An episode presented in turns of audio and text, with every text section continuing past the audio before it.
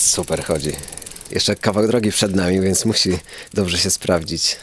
Dobrze chodzi, chociaż ja słyszę, że chyba łożyska będą do wymiany niedługo. Całe nasze życie, cały nasz dom tak naprawdę rozparcelowany na cztery sakwy i jeden worek. Kuchnia, garaż w kolejnej sakwie, tutaj jest nasza sypialnia, tam jest nasza garderoba i tam jest nasze biuro. To jest licznik, na którym właśnie jest cały ten dystans. 87 065 kilometrów. Tyle nam zajęło dotarcie do Wrocławia.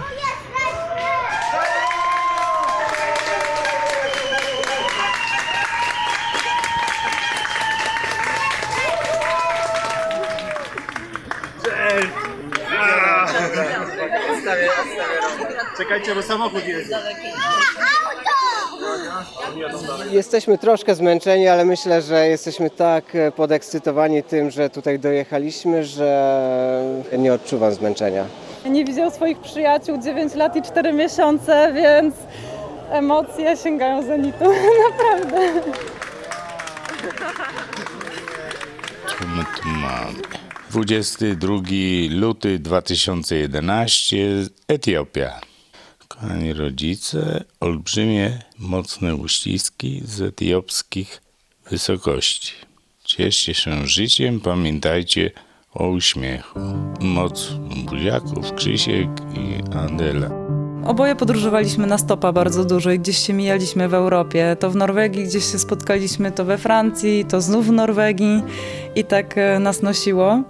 A potem ja postanowiłam objechać świat samotnie autostopem.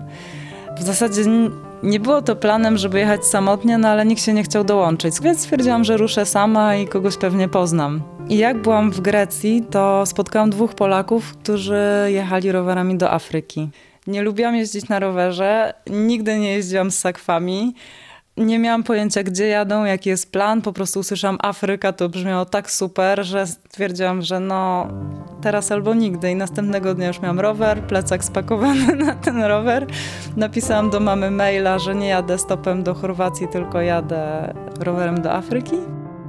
Kup sobie żelowe siodełko. To była jedyna odpowiedź. Moi rodzice sami bardzo dużo podróżowali, są też takimi obieży światami. Mama na stopa bardzo dużo jeździła w młodości. Także no ja pochodzę akurat z takiej rodziny, gdzie mojej mamy to w ogóle nie zaskoczyło. Krzywu zawsze gdzieś jeździł. Pojechał do Norwegii, żeby zarobić na studia.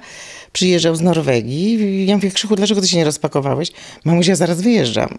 We Francji był, zbierał, już nie pamiętam, winogrona zbierał na, na jakieś następne studia, jakieś, nie wiem, czy to szkoła była, czy to, pamiętam, szkoła, tych szkół tyle zaliczył, że już nie pamiętam, która była zakończona, a która, którą tylko zaczynał i nie kończył. Na przykład medycyna, jak to było, Krzysiu, medycyna niekonwencjonalna na przykład. Skończył jedyną, to pamiętam, w Zielonej Górze i tam kończył szkołę teatralną. Tu we Wrocławiu zapisał się do szkoły teatralnej, której chyba nie wiem ile semestrów zaczął, ale na pewno nie skończył. Tak samo chyba studia to były kulturoznawstwo, Aha, Kul, chciał jechać do Lublina na Kul, ale jakoś nie trafił tam, bo pojechał do Londynu, więc na Kul nie. Ale pamiętam, ochrona środowiska na pewno też była. Początek przynajmniej. Jak wyjeżdżał do Afryki, wyjeżdżał tutaj do Adeli, mieli już mieli zamiar jechać do Afryki, no to był na pierwszym roku turystyki. I może to dlatego tak. Siedzę sobie tutaj, dostałam krzesełko, żeby odpocząć i czekam na Krzycha, który poszedł na targ kupić banany i inne tam rzeczy, które są nam potrzebne. A w międzyczasie wokół mnie zabrał się już spory tłumek gapiów. Ludzi przybywa. Mm, Ci oczywiście, którzy są w pierwszym tutaj rzędzie są uprzywilejowani, bo mogą się najbardziej napatrzeć, no i relacjonują e, tym, którzy są z tyłu, Czuliśmy się bardzo bezpiecznie, może ze względu na to, że ludzie byli bardzo gościnni, bardzo otaczali nas wielką opieką zawsze. Nie patrzyliśmy na, na świat przez ten pryzmat takiego zagrożenia. Dzięki dzieciom, Krzysiowi i Adeli, bo też już ją nazywam dzieckiem moim przez te lata, zwiedziliśmy palcem po mapie cały świat z mężem.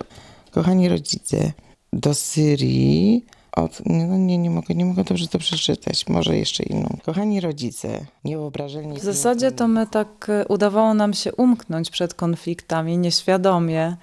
E, Miesiąc po naszym wyjeździe z Syrii zaczęła się tam wojna. Z Egiptu wypłynęliśmy do Sudanu przed ostatnim promem. Tam musieliśmy, mimo że te kraje mają granicę pustynną, to jedyne wówczas otwarte przejście było właśnie na jeziorze Nasera. A potem już zostały zamknięte wszystkie granice w Egipcie, turyści utknęli. Obawialiśmy się bardzo wjazdu do Zimbabwe, bo się naczytaliśmy, że tam są jakieś konflikty zbrojne, epidemia cholery, że nie ma, po prostu, że półki w sklepach są puste. Więc my zrobiliśmy zakupy na dwa tygodnie w jednym z najbiedniejszych krajów świata, w Mozambiku. Obkupiliśmy się, żeby całe Zimbabwe przejechać, bo wiedzieliśmy, że nic nie będzie w sklepach. Wjeżdżamy, salony samochodowe, ludzie się przechadzają z lodami, supermarkety pełne. Na początku był wariant, że jest Afryka. No a później potoczyło się, potoczyło się i dalej, dalej. I okazało się, że cały świat, więc dlatego ja zawsze pytałam Krzychu, kiedy ty wracasz? Mówi, mamuś, ja cały czas wracam. Dotarliśmy do końca naszej afrykańskiej przygody. Radość niesamowita, też zaskoczenie i dziw nas bierze na myśl o tym, że tak szybko to minęło. E, Jutro będziemy w Buenos i zaczyna się podbój Ameryki Łacińskiej. Kolejna wielka przygoda, wiele niewiadomych i mam nadzieję wielu fantastycznych ludzi i widoków na naszej drodze. Mam nadzieję, że z wiatrem z tyłu. Następny mamy 1 lipiec 2013. Boliwia. Kochani rodzice, bardzo mocno Was pozdrawiamy z Boliwii. Spinaczka rowerowa na 2800 metrów nad poziomem morza. Nie wiem, czy jest to warte upamiętnienia. Niemniej jednak dziś y, pierwszy raz od dawien dawna możemy skrobać lód z namiotu. Nie jest to pierwszy raz, już y, w Etiopii mm, zdarzało się nam zdrapywać szron z rowerów i zdarzało się to także w Egipcie. E, Nastała jesień, jesteśmy w Patagonii. E, Jest to dopiero początek ym, mrozów, które niebawem nadejdą wraz z zimą i śniegiem. I w zasadzie upamiętniam tą chwilę, dlatego że ja już się telepałam cały ranek, a nie jestem w stanie wcisnąć do sak więcej ciepłych ubrań. Więc zastanawiam się, mm, jak przetrwam kolejne miesiące Cały czas rzeczywiście mówili, gdzie są. To bardzo ważne dla nas było. No i jak napadli w Ameryce Środkowej, no to też przeżywałam strasznie. Przeczytałam to w internecie w ogóle, że Krzychu został pobity. Chyba tylko jedną mieliśmy taką naprawdę niebezpieczną sytuację, to jak zostaliśmy napadnięci przez bandę maczetników w Nikaragui. My się zawsze liczyliśmy z tym, że gdzieś mm, padniemy ofiarą jakiegoś ataku, no bo się słyszało od innych rowerzystów i zawsze scenariusz w mojej głowie był taki, że rzucamy portfel i jest po sprawie. Tutaj było to trochę inaczej, bo pamiętam, że wyskoczyło tych trzech gości z krzaków. Ja zdążyłam powiedzieć, napadają nas.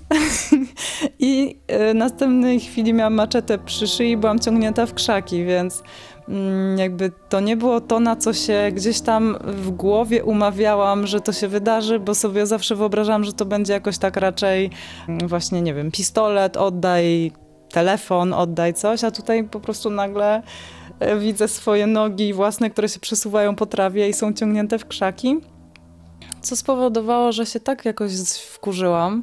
W ogóle nie było strachu, był taki gniew, że ktoś w ogóle może mieć takie panowanie nade mną, że się zaczęliśmy bronić. I się to udało. W zasadzie trochę nie jest tak, jak mówiła mama Krzysia, że Krzysiu został pobity. Krzysiu po prostu się zaczął bić z, z gościem. Wytypował e, szefa tej grupy i, i to było bardzo dobre. W Afryce rzadko kiedy słyszeliśmy przestrogi dotyczące ludzi. Ludzie się zawsze nas pytali, nie boicie się zwierząt, będziecie spać tam w buszu, a słonie, a hipopotamy. No, mieliśmy zresztą, przychodziły hieny pod namiot e, wielokrotnie, widywaliśmy słonie.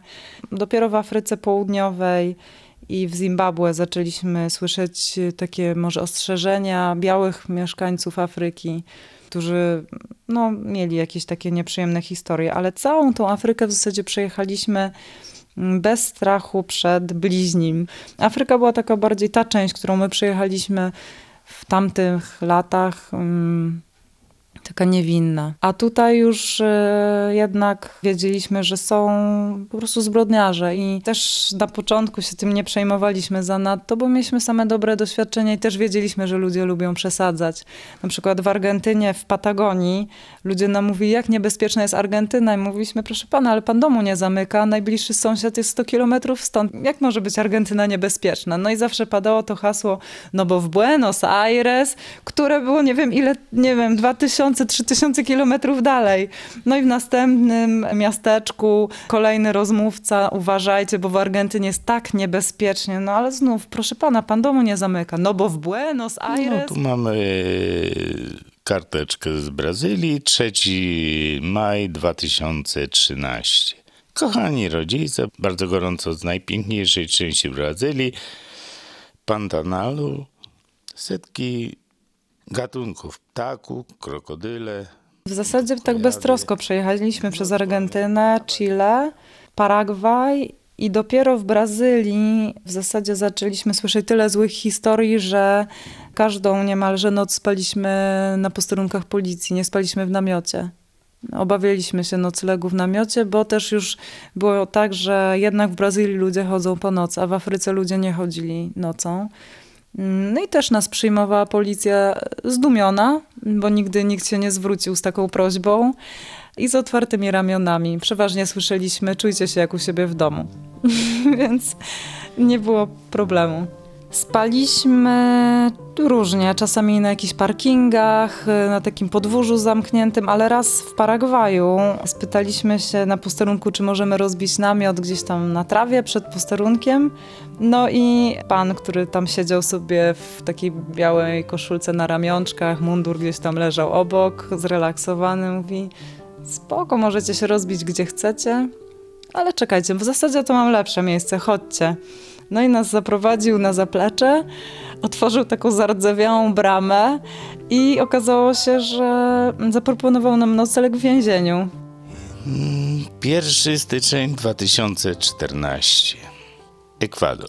Kochani rodzice, serdeczne pozdrowienia z równikowego Ekwadoru, krainy zielonej, amazońskiej dżungli, ośnieżonych andyjskich Poznawaliśmy szczytów, ludzi. W Ameryce Południowej mm, mamy mnóstwo przyjaciół, takich y, do dziś, bo po prostu ktoś nas zgarniał z ulicy i byliśmy niemalże członkami rodziny z dnia na dzień i byliśmy trzymani tydzień, dwa w jednym domu, bo to już było tak, nie no, ale pojutrze są urodziny babci, ale jeszcze wujek przyjedzie z innej prowincji. Nie no, nie możecie nam tego zrobić, nie możecie wyjechać jutro, bo jeszcze wujek.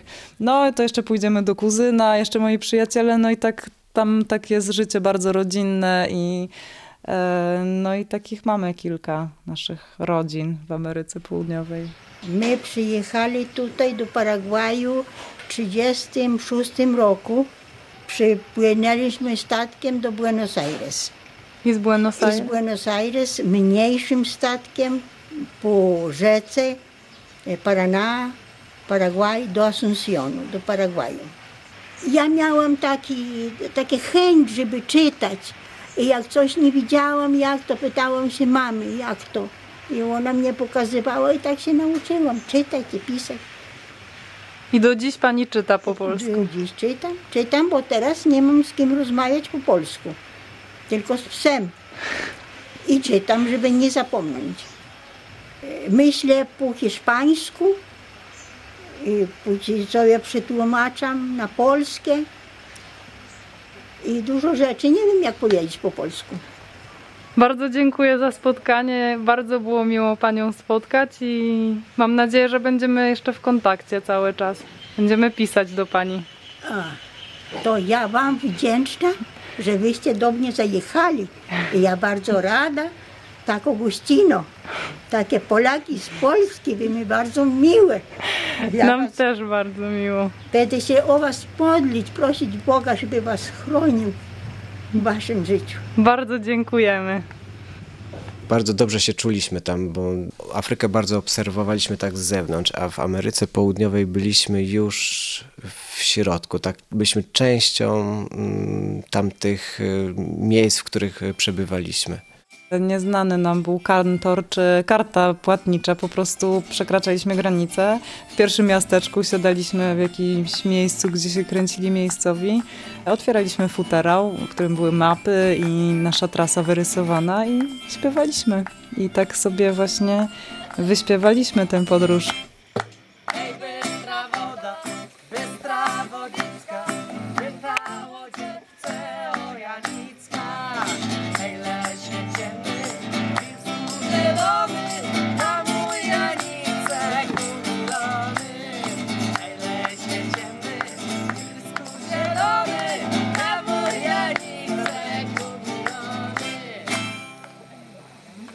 Mamy 5 wrzesień 2015, Anchorage, Alaska. Kochani rodzice, moc pozdrowień z Alaski, krainy wiecznych zmarzlin, niedźwiedzi, łosi, wilków, komarów, To moja noga, a to karetka. Przesiedliśmy się z rowerów do ambulansu w wyniku mm, małego wypadku, który dzisiaj miał miejsce. Mi się lekko noga omsknęła. Trzy godziny czekaliśmy na tą karetkę. Mam nadzieję, że szybko się uda zrobić prześwietlenie i będziemy już wiedzieli na czym stoimy albo leżymy. Były te momenty takie, no, tam gdzie, gdzie mieli takie te nieprzyjemne jakieś tam przygody, no, no co, czekaliśmy na, na wiadomości, no. A tu mamy 2018, Bangladesz. Był taki moment w tej podróży, gdy bo zatrzymaliśmy się w Tajlandii na dłużej, to spędziliśmy tam prawie rok, gdyż e, potrzebowaliśmy takiego zatrzymania się i też pracowaliśmy tam jako nauczyciele angielskiego. A przed tym, zanim dojechaliśmy do Tajlandii, no były te duże kraje, jak właśnie Stany Zjednoczone, Kanada, Australia czy Chiny. Spieszyliśmy się przed upływem czasu i tak zaczęliśmy gnać już ta, ten styl południowoamerykański, że tak powiem, minął gdzieś i stwierdziliśmy, że potrzebujemy się na chwilę zatrzymać, żeby nabrać takiej świeżości znowu. Trzymam ten globus, ale nie szukam nowych celów podróży. Myślę, że fajnie będzie kiedyś zobaczyć Europę Zachodnią. Sobie zostawiliśmy ją na koniec. Na taką rowerową emeryturę. Te dystanse tak zmalały, że Europa mi się wydaje tak malutka, taka naprawdę malutka, że w każdej chwili gdzieś możemy wyskoczyć sobie do jakichś krajów sąsiadujących na krótką wycieczkę, może z dziećmi. Wiele się rzeczy nauczyłem, wiele rzeczy widziałem, wiele rzeczy zmieniło mnie. Jestem, myślę, wydaje, że, że jestem o wiele dojrzalszą osobą dzisiaj. To jest sposób na życie. Przypuszczam, że Krzychu nie wiedział, co jeszcze w życiu chce zrobić. I dlatego. To jest sposób na życie. On spotkał Adelę i na jednych falach nadawali. Muszą mieć jakieś miejsce w życiu, w swoim życiu, żeby mieli gdzie wracać. My myślę, że nie potrzebujemy takich doznań ekstremalnych, żeby czuć, że żyjemy. Nie chcemy być nomadami przez całe życie i myślę, że fajnie skończyć tę podróż w takim momencie, kiedy jeszcze uwielbiamy to, co robimy i pozostaje taka nutka niedosytu, a nie jesteśmy skazani na tą podróż.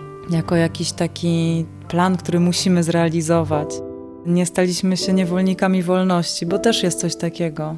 Mm, Spotkaliśmy takich niewolników wolności, którzy zostawili wszystko, zatracili się w podróży i nie do końca już czerpią z niej przyjemność, trochę nie potrafią wrócić do tego mm, życia takiego codziennego i właśnie mm, nazywam ich niewolnikami wolności.